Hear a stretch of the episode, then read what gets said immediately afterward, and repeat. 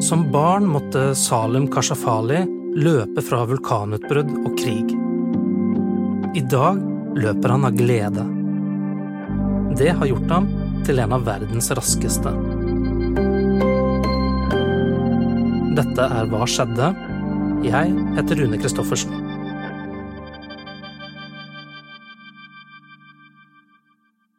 Du, kan jeg se medaljen, eller? Har du den? Ja, ja, ja. jeg ble så nysgjerrig på det. Den står rett eh, bak deg, altså. Eh, Så her står det alle de medaljene. Og den er Utrolig fantastisk og tung. altså. Du kan kjenne hvor tung den er. Ja. Eh, Det er den tyngste medaljen jeg har hatt noensinne.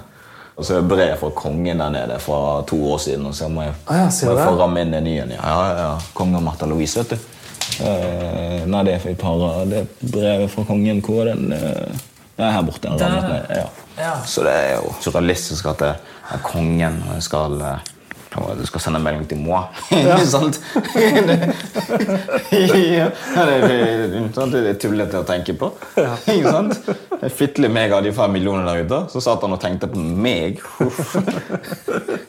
ja, det er galskap.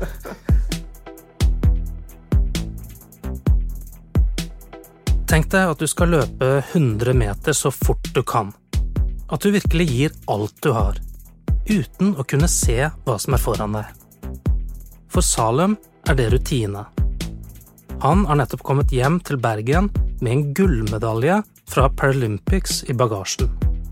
27-åringen er nesten blind, men er likevel blant Norges raskeste sprintere. Det er en medfødt sykdom. For at jeg skal ha det, så må begge foreldrene mine ha det i genene sine. Og sannsynligheten for at to personer skal ha det i genene sine, er smalt lite. Og for at en av barna sine skal få det, det er snakk om 0,1% sannsynlighet for det. Det er veldig sjeldent å utvikle seg gradvis. Noen får det når de er født med en gang og så er dårlige, mens i mitt tilfelle så var det fra da jeg var 17. og så og så når jeg var da 23-24, da, da utløser jeg det så dramatisk og rapidly bare gikk ned fra å kunne se um, ansiktet gode folk til og at alt rundt meg var ganske blurry. Salem vokste opp i storbyen Goma i Kongo med foreldre og åtte søsken. Byen ligger helt på grensen til Rwanda, med en stor innsjø på den ene siden og en aktiv vulkan på den andre. Da Salem var ni år gammel, måtte han løpe for å redde livet. En dag i 2002 åpnet det seg en enorm sprekk i fjellet, og elver av lava strømmet rett mot byen. Det var veldig kaotisk, da. For land, så langt som kunne se, så var det fullt av lava, eller mm, fullt av masse folk som løper alle kanter, liksom, og, og biler som omtrent nesten kjører på folk, og, og så videre. Det er på en måte det siste bildet jeg husker. Eh, og så husker jeg på en måte at um, jo lenger det kom vekk, så spiller det ikke noen rolle. Det, var, liksom, det tok oss igjen, da. Til vi da kom opp i fjellene, da. Du var, du var jo konstant redd eh, for at eh, For det første å miste familien din, du skulle havne alene, eller eh, det verste av det verste, du, du døde. da. Flere hundre tusen mennesker flyktet over grensen. Mange ble kvalt av gassene fra utbruddet. Tusenvis av hus ble ødelagt da lavaen rant gjennom byen. På kvelden eh, flyktet vi, og var på flukt i egentlig vel en ukes tid, da. Eh, Og vel så det.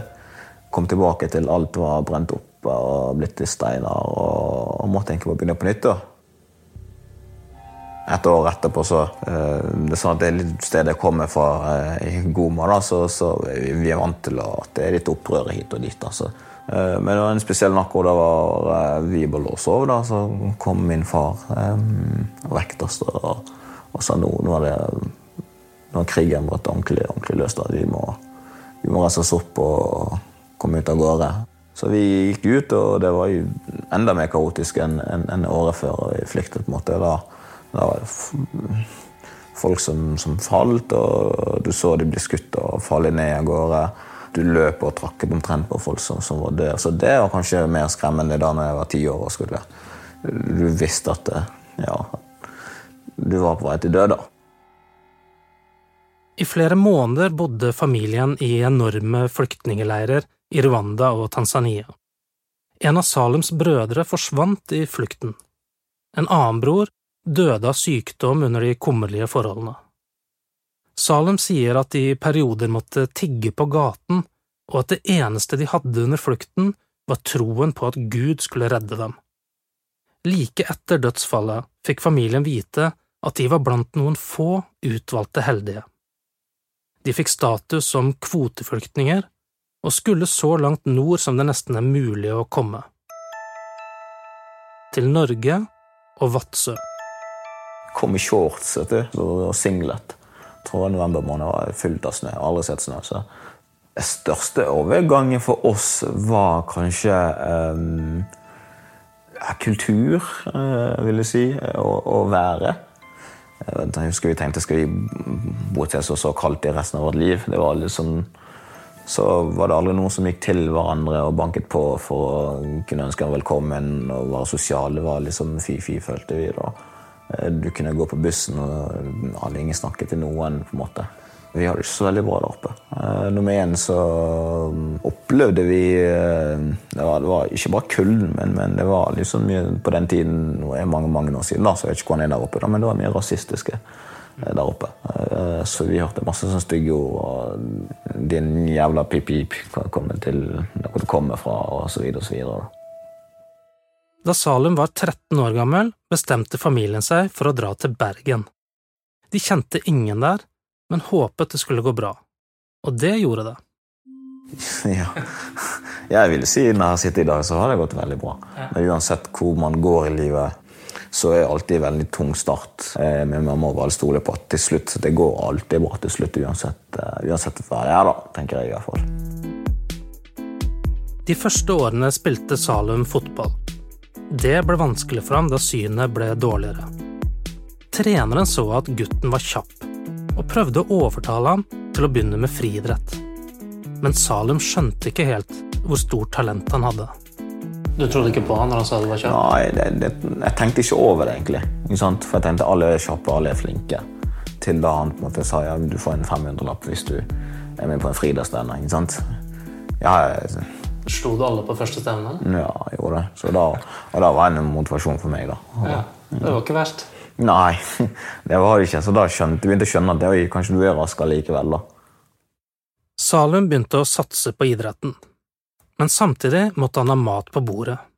Han jobbet i barnehager og på skoler der han underviste i matte, fransk og gym. Det var vanskelig å få trent så mye som han trengte. Samtidig ble synet dårligere. Han forteller at han ofte kom hjem med hodepine og enda mer tåkete syn enn vanlig. Likevel oppnådde han oppsiktsvekkende resultater.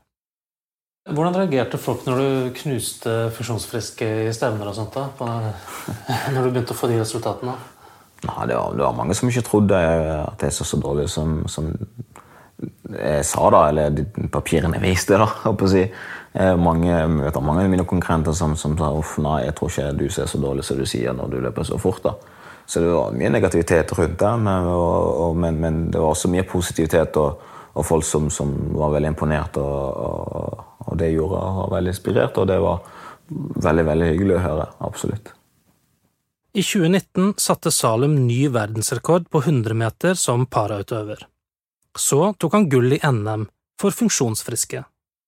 Og så gull i VM for svaksynte i Dubai.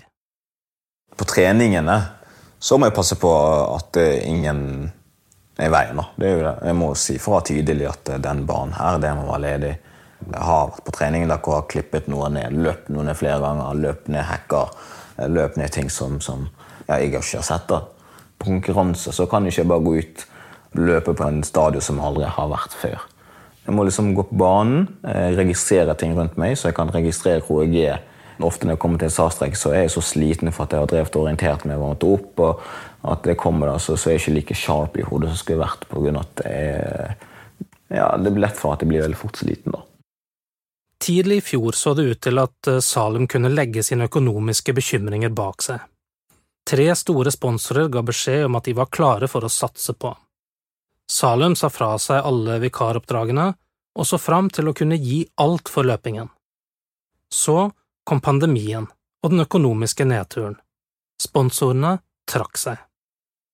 Og da, da var jeg liksom ja, veldig langt nede og var liksom på vei til å tenke at dette gidder jeg ikke. For, for jeg, jeg, jeg, lå på grensen i forhold til å, å få nok mat i meg. Eh, I forhold til hvor lite jeg jobbet. For jeg kan ikke jobbe like mye som funksjonsfrisk, men at det, det, er veldig krevende for meg å bare være sosial. For det, det er mye energi som det er ikke trening som er vanskeligst i min hverdag, det er alt det sosialisering og, og, og, fokus på å orientere meg og, og, så videre. Det er det som tar mest tid. Så da, da var jeg ganske lente nå. Hvis ikke skulle av meg, så jeg tenkte ja, ja, fuck it, vi får bare gjøre så godt vi kan. Så en dag fikk han en telefon. En ukjent mann spurte om Salum hadde en sponsor. Jeg skal hjelpe deg, sa han. Salum klarte ikke helt å ta det alvorlig. Han hadde hodet fullt av andre ting og sa at han skulle ringe tilbake, men det glemte han. Noen uker senere tok mannen kontakt igjen og tilbød en sponsoravtale. Tom Emil Olsen driver bergensfirmaet Kind og har selv en svaksynt datter. Han så hvor mye datteren strevde i hverdagen, og var imponert over det Salem hadde fått til. Avtalen har gjort at Salem slipper å bekymre seg for å ha råd til treningssko og skikkelig mat. Det siste året har alt i livet hans handlet om Paralympics i Tokyo.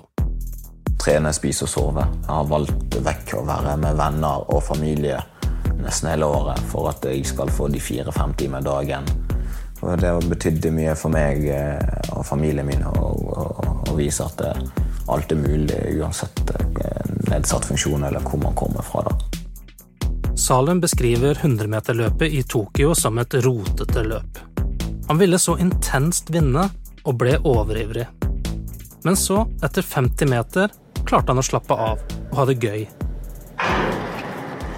ganske jevn start både på Malone og Kashafali, men Kashafali har fått en liten meter. Så kommer Malone, men han har full kontroll på dette her. Og tiden, den er 10.43! Han setter ny verdensrekord, og han sikrer seg et gull i Paralympics. For en suksesshistorie for Salum Kashafali. Han vinner så lekende lett, Salum Kashafali. Han tar verdensrekord, han tar paralympisk rekord. Dette her er så stort.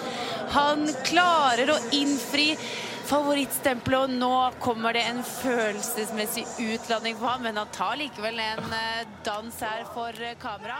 Det... Nei, det er jo faktisk noe av det, det største idrettsmessige jeg har, har, opplevd i mitt liv. da.